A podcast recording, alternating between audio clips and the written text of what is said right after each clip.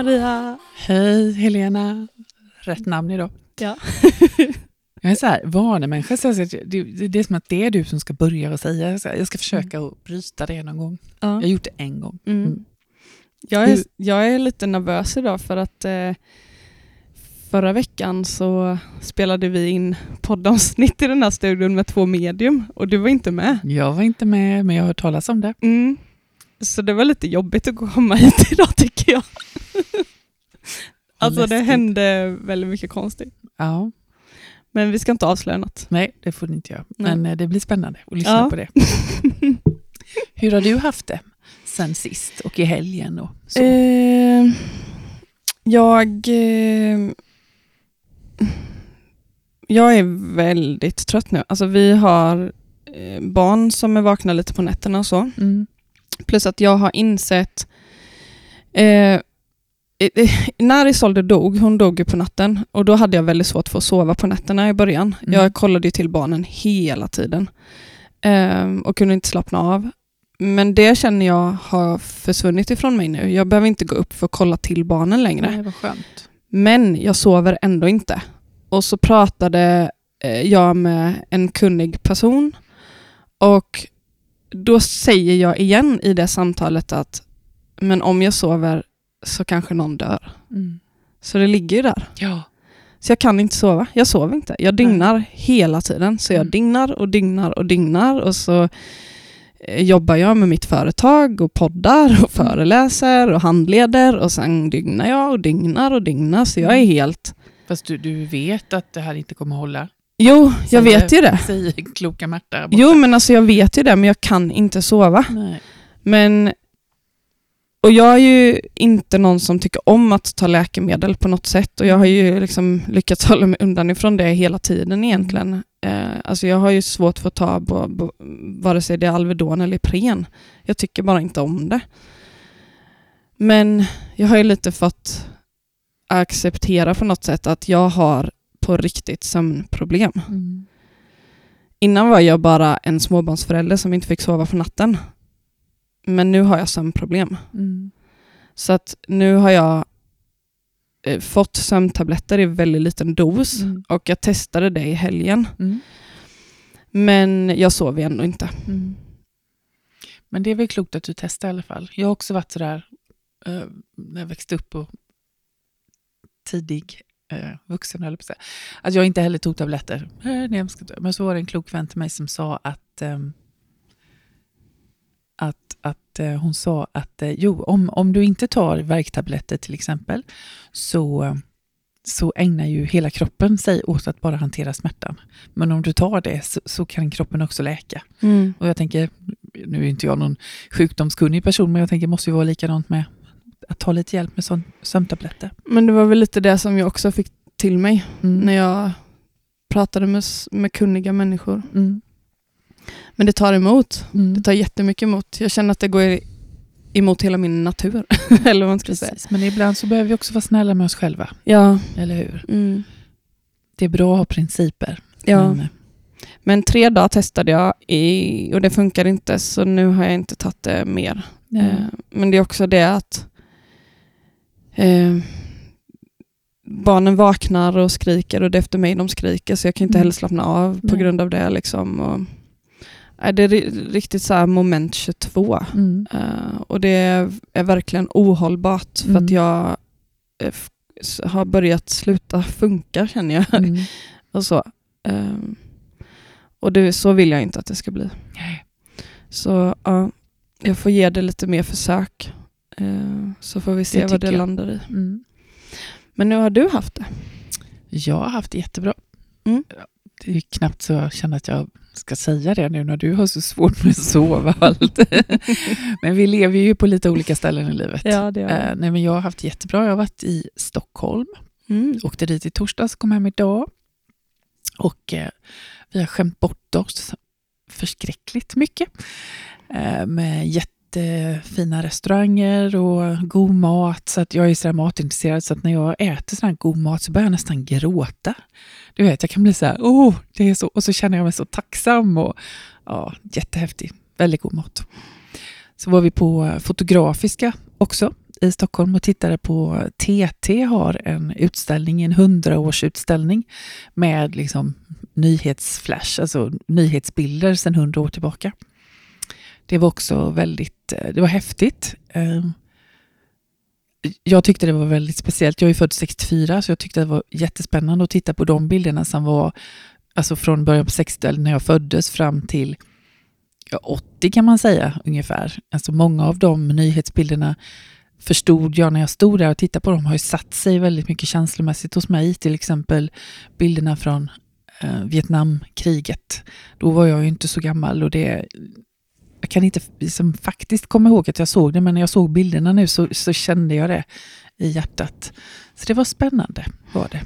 Mm, men också den här reflektionen över Alltså vi pratar nu om vi pratar om lågkonjunktur, vi pratar krig, vi pratar pandemi och, och det är klart, pandemi har det inte varit på hundra år, men när man gick runt där och tittade på alla de här bilderna sedan hundra år tillbaka så är det mycket krig, det är mycket sjukdomar, det är lågkonjunkturer, det är plastsäckar, HIV tänker jag på mycket så här. Så att, ja, allt går igen liksom. Ja, det är lite läskigt när man mm. ser det på det, alltså när man får det så svart på vitt. Mm. Men det var en mm. jättefin utställning. Mm. Kul. Det var en väldigt känslosam utställning, så det mm. var roligt. Mm. Fint. Och så är det ju kul, vi bodde hos kompisar i, i Saltsjöbaden i eh, torsdags. Och så kommer vi dit och så sätter vi oss där och så får jag ett glas vin och så säger Katarina, min gode vän, det här. Och vilken bra podd!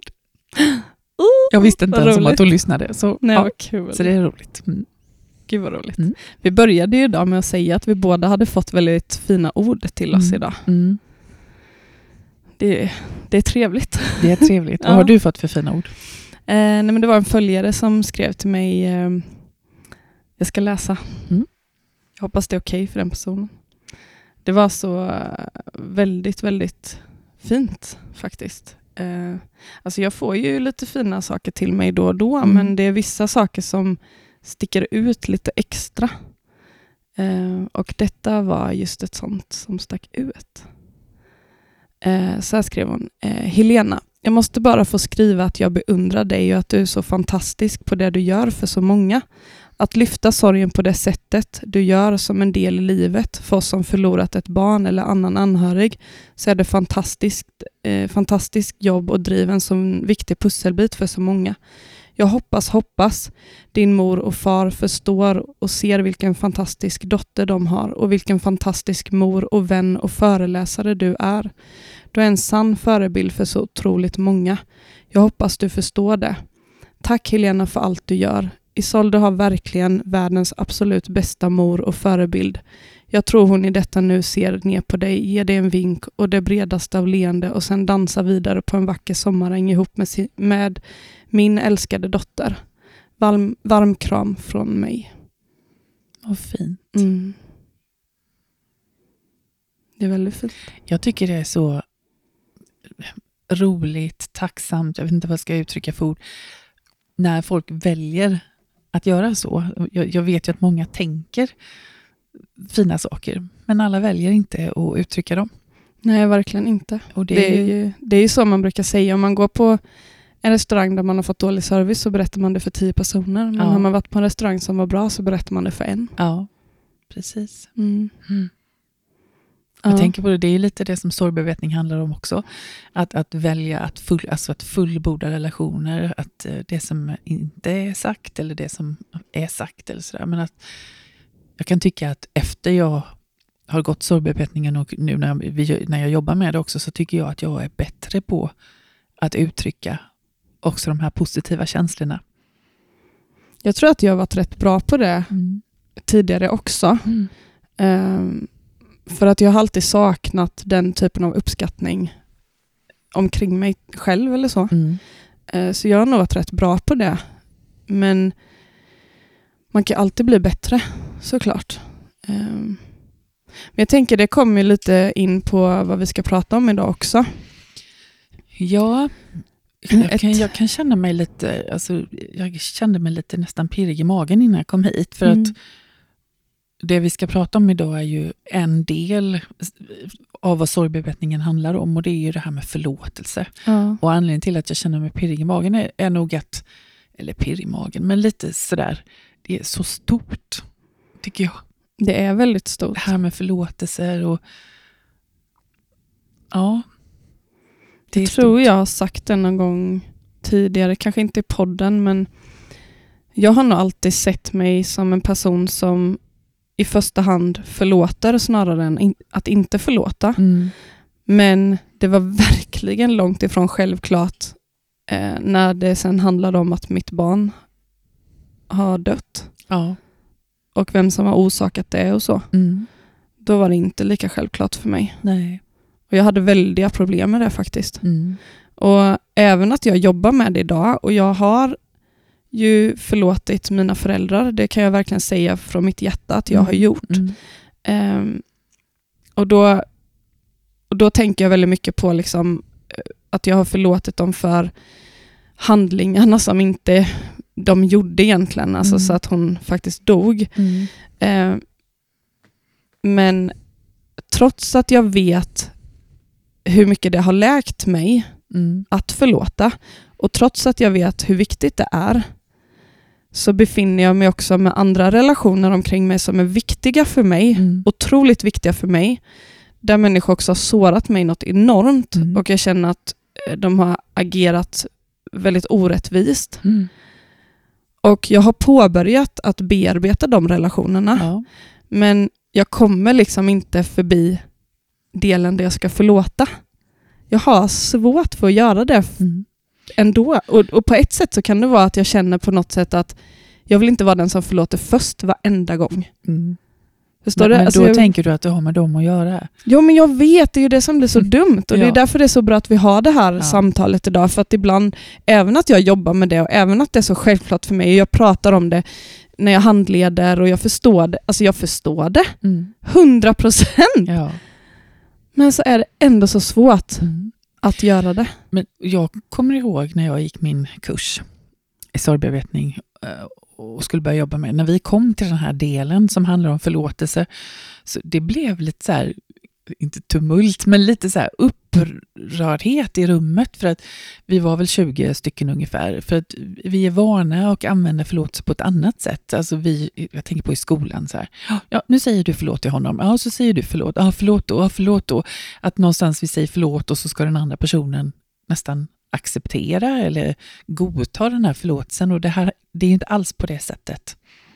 Nej, och det där är faktiskt viktigt att ta upp den delen. Mm. För Mm. jag vet att Helia har ju fått lära sig det från förskolan. Mm. För hon kommer ju hem ibland och säger, nu måste man säga förlåt. Ja. Och då har jag faktiskt sagt till henne att här, fast du behöver inte göra det. Nej. Man säger förlåt när man menar det. Mm. Och det är ju precis som du säger att Alltså, om vi bara ser ett scenario Mm. där en människa har puttat Mm.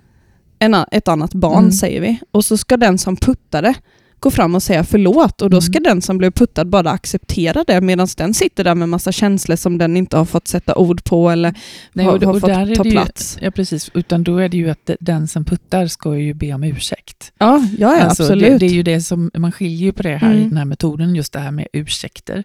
Att det är min, min egen del i den Mm. här fullbordan eh, i bearbetningen. Mm. Att be om ursäkt för det jag har gjort eller inte gjort, eller det jag har sagt eller det jag inte har sagt. Mm. Och där är det ju liksom, det är ju en helt annan grej. Ja. Att, att be om ursäkt för att, eh, jag, jag ber om ursäkt att jag puttade dig, Mm. till exempel. Ja. Mm. Så, ja, och det är ju precis som du säger, där klargjorde vi väl det rätt så bra tycker jag ändå, att Ja. man ska inte säga förlåt utan Nej. man använder istället ordet ursäkt. Ja, och så får den som blev puttad i så fall säga jag förlåter dig. Precis. Mm.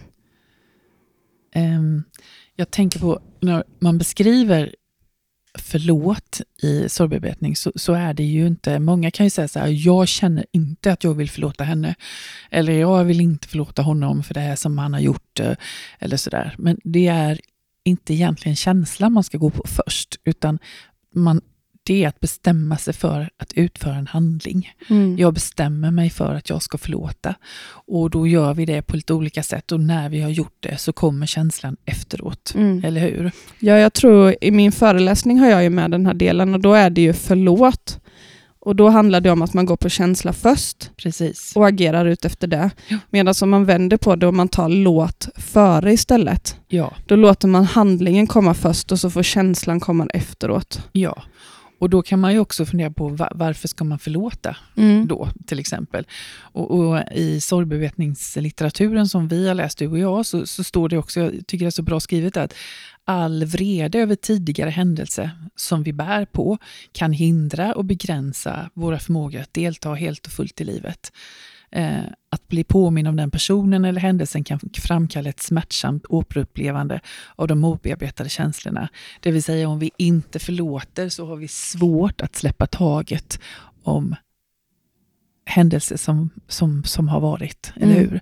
Utan om vi förlåter så har vi större möjlighet att bli fri Mm. och leva ett liv i frihet, inte i bitterhet, eller hur? Och det, och det var ju faktiskt en av anledningarna till att jag också valde att gå sorgbearbetning, för jag upplevde ju, inklusive mig själv, eh, men också mina klienter, att man kunde säga så här, nej men det där har jag släppt, eller nej men jag har sån konstig relation till min pappa, eller jag tänker speciellt på en man som jag haft i sorgbearbetning, men det där har jag släppt, men det hade man inte, utan man pratade väldigt mycket om det och återkom till de här känslorna som ju faktiskt var obearbetade och man kände sig som ett offer och, och hela den biten. Eh, det, och det är otroligt eh, spännande.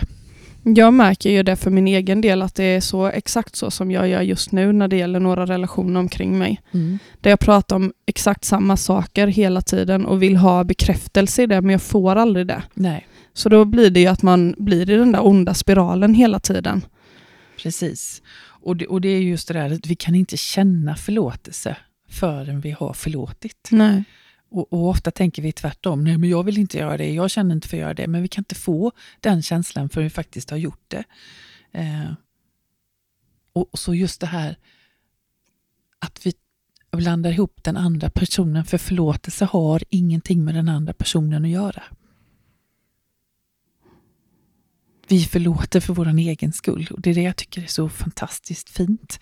Eh, jag har ju, brukar ge alla mina Eh, klienter en bok som heter Förlåtelse.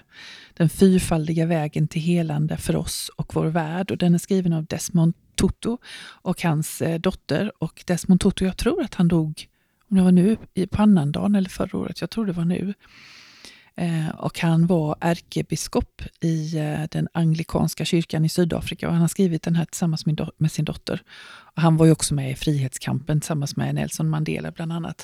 Men den boken är så otroligt vacker och fin och den, är, den boken är liksom blandad. Det är dels att han skriver och berättar om vad är förlåtelse och så, men sen har han också exempel, ganska brutala exempel också som har hänt i Sydafrika. Och sen har han lite sammanfattningar men också lite tankerutor, lite uppgifter men också lite skrivuppgifter så att man kan använda den boken som också att jobba ganska mycket med sig själv. Den är jättefin. Kan, vi kan lägga ut en, en bild på den. Mm, det tycker jag absolut. Eh, Jag har ju också fått den av dig. Ja, Mm. Jag har inte läst den, nej, men jag ska definitivt göra det nu. gör det. Jag har, jag har många hemma hos mig nu, många sådana böcker. Jag beställde på bokhandeln här, tror jag beställde 25 stycken. Vet, han bara tittade på mig när jag, när jag skulle hämta dem och fick förklara. Ja, men jag jobbar med sorgbearbetning så jag ger det till alla mina klienter. Han bara okej. Mm. Ja.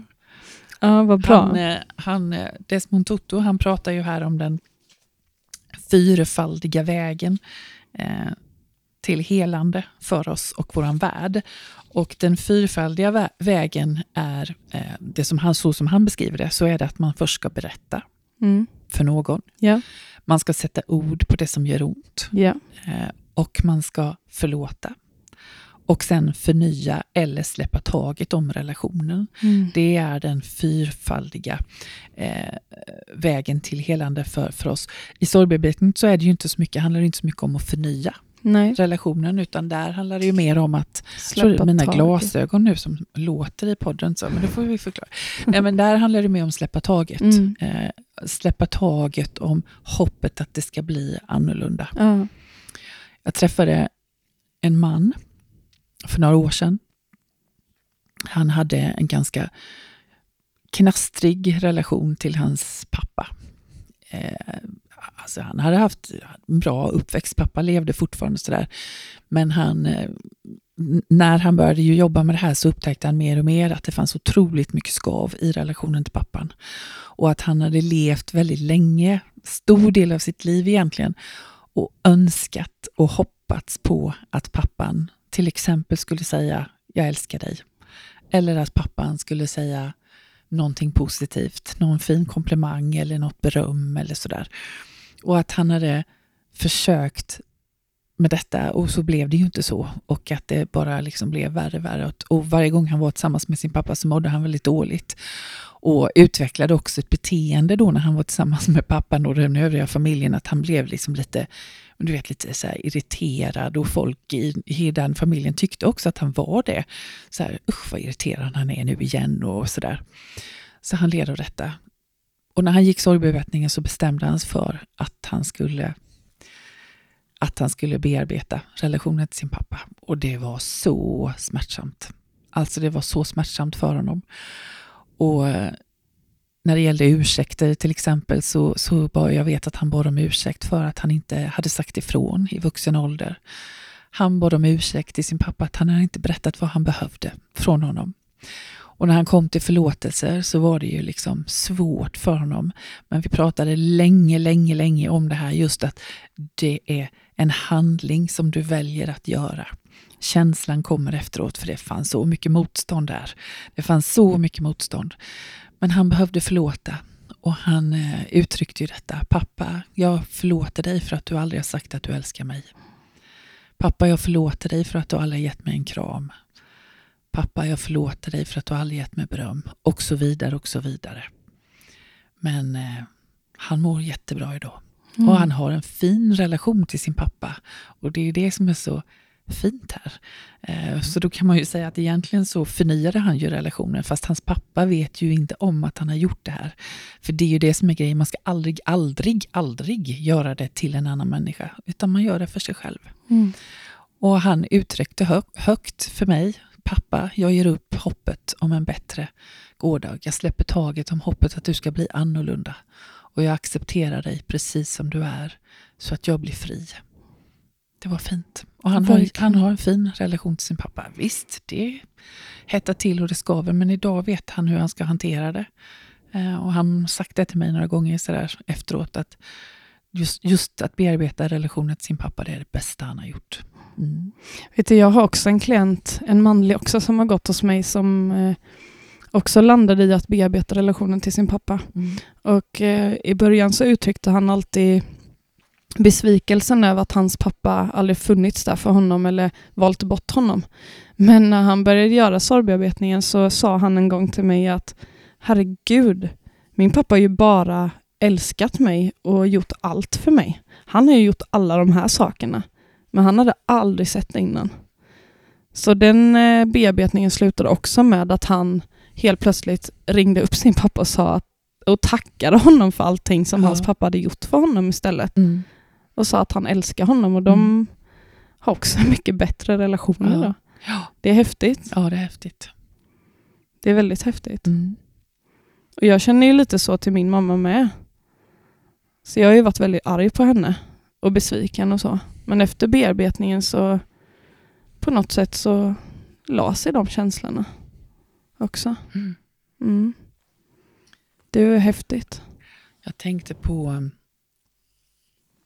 eh, i den här boken av Desmond mm. Tutu, så har han ett kapitel som handlar om det här med att förlåta sig själv. Mm. Och han har en liten skrivboksövning där. Eh, jag tänkte jag läser den för den är så fin. Han skriver 1. gör en lista över allt som du behöver förlåta dig själv för. 2.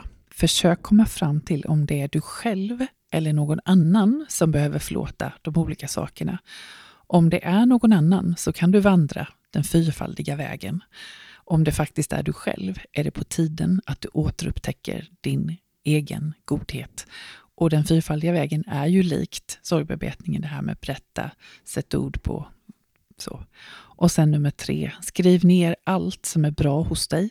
Försök att se dig själv med en annan människas ögon. Någon som älskar dig och beundrar dig. Den är jättefin wow. den övningen tycker ja, jag. Mm. verkligen. Mm. Otroligt fin. Men en fråga då. Mm. Kan man förlåta allt? Alltså jag tänker, Mina föräldrar orsakade mitt barns död. Det är i mångas ögon oförlåtligt. Eller att någon annan skadar en på olika sätt. Och så här. Finns det någonting som man absolut aldrig kan förlåta? Ja, men om man tänker så här, att det finns ju ett, ett talesätt som, som är ungefär så här, jag kan förlåta men jag kan inte glömma. Mm. Och då i det uttrycket så ingår egentligen två helt separata känslor som egentligen inte riktigt hör ihop. Och, och då så, I boken här så har man ett exempel att vi föreställer att man blir fruktansvärt misshandlad till exempel under flera år. Man kan ju inte ens komma i närheten av att glömma någonting sånt. Nej. Men innebörden av att jag kan förlåta men jag kan inte glömma, det är ju ungefär då, eftersom jag inte kan glömma så tänker jag inte förlåta. Ja. Men då ska man fråga sig själv, men vem är det som lider? Vem är, det som, vem är det som fortsätter att känna vrede och undertrycker sin själ och sin kropp och sitt hjärta? Vems liv är det som begränsas genom frånvaron och förlåtelse? Och, och det är ju ungefär som att det finns ju ingen chans i hela världen att du kan glömma det som har hänt i Soldö. Eller hur? Nej. Men betyder det att bara för att jag inte kan glömma det så kan jag inte förlåta? För vem är det som lider om du inte förlåter? Jag. Mm. Mm. Så ja, jag tänker. Och när jag läst Desmond Tutus bok så tänker jag, ja, allt Mm. går att förlåta. Jag, jag pratar mycket om detta. Jag har, jag har handlet, handlett eh, eh, personer som har blivit väldigt mobbade i skolan. Mm. Eh, och det har lett till att man har använt olika typer av, eh, kanske att man skadar sig själv och så. Mm. Eh, och, det är, och det har varit många år sedan de blev utsatta för det i skolan. Och då Mm. har vi pratat mycket om det att de personerna som har utsatt eh, eh, den här klienten för det, de går ju där ute på gatan eller lever sina liv Ja. som om det aldrig har hänt. Mm. De går ju inte runt och tänker på det varje Nej. dag. Medan för den här stackars klienten som Mm. blev utsatt för det och har blivit ärrad resten av sitt liv Mm. så har den personen svårt för att lita på andra människor. Ja. Den vågar inte röra sig eh, där det kan bli gru grupperingar eller sådär, utan man håller sig mest hemma, man isolerar sig, Mm. eh, och man öppnar inte upp sig för någon och så har man mycket ångest och Just. man kanske måste ändå gå till jobbet för att sköta Mm. sin ekonomi och sådana saker Mm. och då blir det ångestladdat och man mår väldigt dåligt av att man måste göra det eller Ja. prestera för man är rädd för att kanske vara dålig för det är det man har fått höra och sådana Mm. saker. Och så då går man hem och skadar sig själv på olika Mm. sätt. Ehm, och då är det ju så att när man har blivit utsatt för mobbning i skolan och så har det gått många år och det här fortsätter så är det ju bara den personen, alltså de här människorna fortsätter ju skada varenda dag och man Mm. har tillåtit att det ska Mm. fortgå. Mm. Och det är ju svårt att, att kunna bara sluta med det en dag. Ja. Alltså man behöver ju verktygen för att kunna förstå det. Men det är ju också så lite, förlåtelse handlar ju också lite om att faktiskt ta kontrollen över vad som ska påverka en mer Ja, eller mindre. Absolut. Att man själv ser till att så här, nu räcker det. Mm. Nu får vi ett slut på det här. Mm. Jag förlåter det som har varit, jag kommer inte glömma det. Mm. Men jag kommer heller inte acceptera att det händer igen. Nej. Och därför tänker jag, för du, när du började prata om att du har så svårt för vissa delar i det här, Mm. så tänker jag att, att du kanske inte ska överanalysera det så mycket, utan gör precis som, som metoden säger. Mm. Alltså jobba precis så metodiskt som det är och så skriver du ner det och sen så skriver du i brevet och sen kan du läsa det för mig till exempel. Mm. Alltså att inte överanalysera för mycket, för då går det ju inte. Nej. Jag är ju väldigt duktig på att överanalysera. Ja, nu ska inte jag sitta här och snacka. Jag, både min före detta man och min nuvarande man har sagt exakt samma mening till mig. Fast den ena på engelska och den andra på svenska. Do you have to analyze everything to death? sa min före detta man till mig en gång. Och sen är vi skilda och det har väl sagt att vi är fortfarande goda vänner. Och sen helt plötsligt så säger Janne samma sak till mig, eh, fast på svenska. Måste du analysera allting till döds? Så jag bara tittar, men gud, har du pratat med Brian? så jag lät ju väldigt klokt där. Nej, men jag tror att det, det är bra för dig att inte göra det. Mm. I alla fall i det här fallet. Men jag tänker också att det kanske blir så när det är eh, människor som betyder mycket för en. Alltså förstår du, när det Mm. har blivit fel på någonting eller man känner att... För jag försöker alltid förstå situationerna. Mm. Eh, och då blir det nog att man överanalyserar. Hade jag inte brytt mig så hade jag inte brytt mig. Nej, Alltså då hade jag ju... Det bara försvunnit ifrån mig. Liksom, så. precis. Ja. Det här med förlåtelse, det är så stort. Nu har vi bara som snuddat på det lite. Och eh, ni som lyssnar får jättegärna skicka kommentarer om vad vi har pratat om eller frågor eller sådär. Jag känner mig väldigt ödmjuk inför det här just med förlåtelse. Det har betytt otroligt mycket för mig personligen. Att eh, tänka på förlåtelse på det här viset. Att jag förlåter för min egen skull. Um, att det handlar om att jag släpper smärtan. Jag släpper mina känslor av oförrätt eller min känsla av offerkofta eller vad det är för någonting och släpper taget om det och går vidare. Jag tycker det här avsnittet var väldigt viktigt för mig. Jag befinner mig just i det nu, att jag behövde bli påmind om det mm. igen. Så att jag ska verkligen också göra det nu. Mm. Tillåta mig själv att få släppa och gå mm. vidare. Mm. Vi släpper lite förlåtelse nu. Ja. Um, jag, jag, efter förra veckans avsnitt, mm. uh, vi lyssnar ju alltid på avsnitten innan vi släpper dem och jag, jag lyssnade både när jag åkte upp till Stockholm i torsdags och jag satt och tänkte på det här just med vi pratar om person, att vara personlig och inte privat och då pratar vi ju mycket utifrån våra yrkesroller nu. Och jag har ju berättat att jag också jobbar med personlig assistans och att min son har personlig assistans. Och jag brukar alltid säga det att, att leva sitt liv med Jonathan då i mitt fall, alltså han har ju personliga assistenter dygnet runt. Och de assistenterna vet ju i stort sett om vad jag är, vad jag gör och, och allt och han facetimar när man ligger i sängen och när man har duschat och allt möjligt. Så, här. så jag brukar beskriva det, att leva sitt liv så är som att leva sitt liv på en scen med liksom, assistenter i publiken. Och så då tänkte jag ett steg till, alltså jag tänkte på de som har assistans som kanske inte är som min Jonathan då, utan som kanske har fått en sjukdom eller varit med om olika. Jag vet att jag var hemma hos en av våra kunder. Jag fick hoppa in en fredag var det. Och, och det var en sån här, alltså egentligen ganska enkel grej, men hon bad mig hämta någonting i hennes handväska.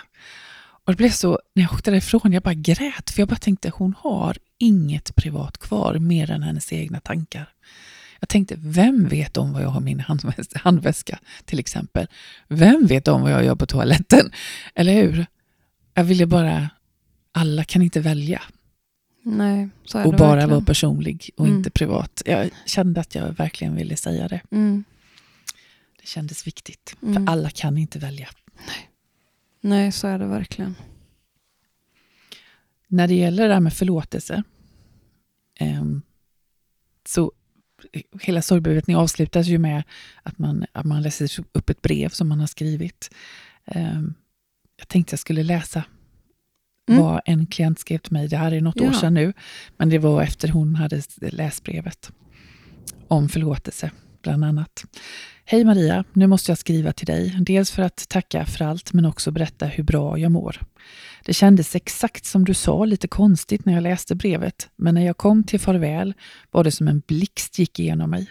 Jag blev så otroligt ledsen och känslosam och det var så skönt att få en kram.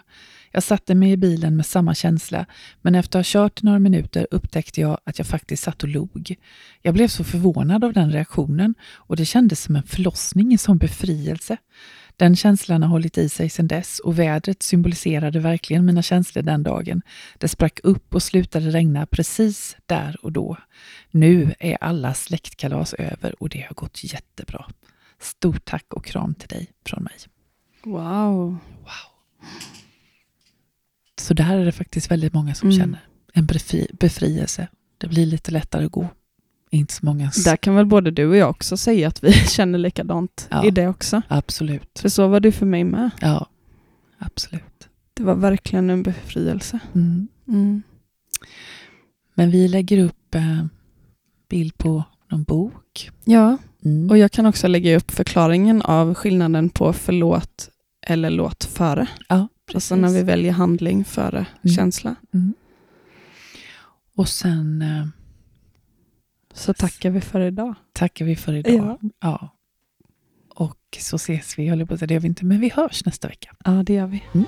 Hej då. Hej då.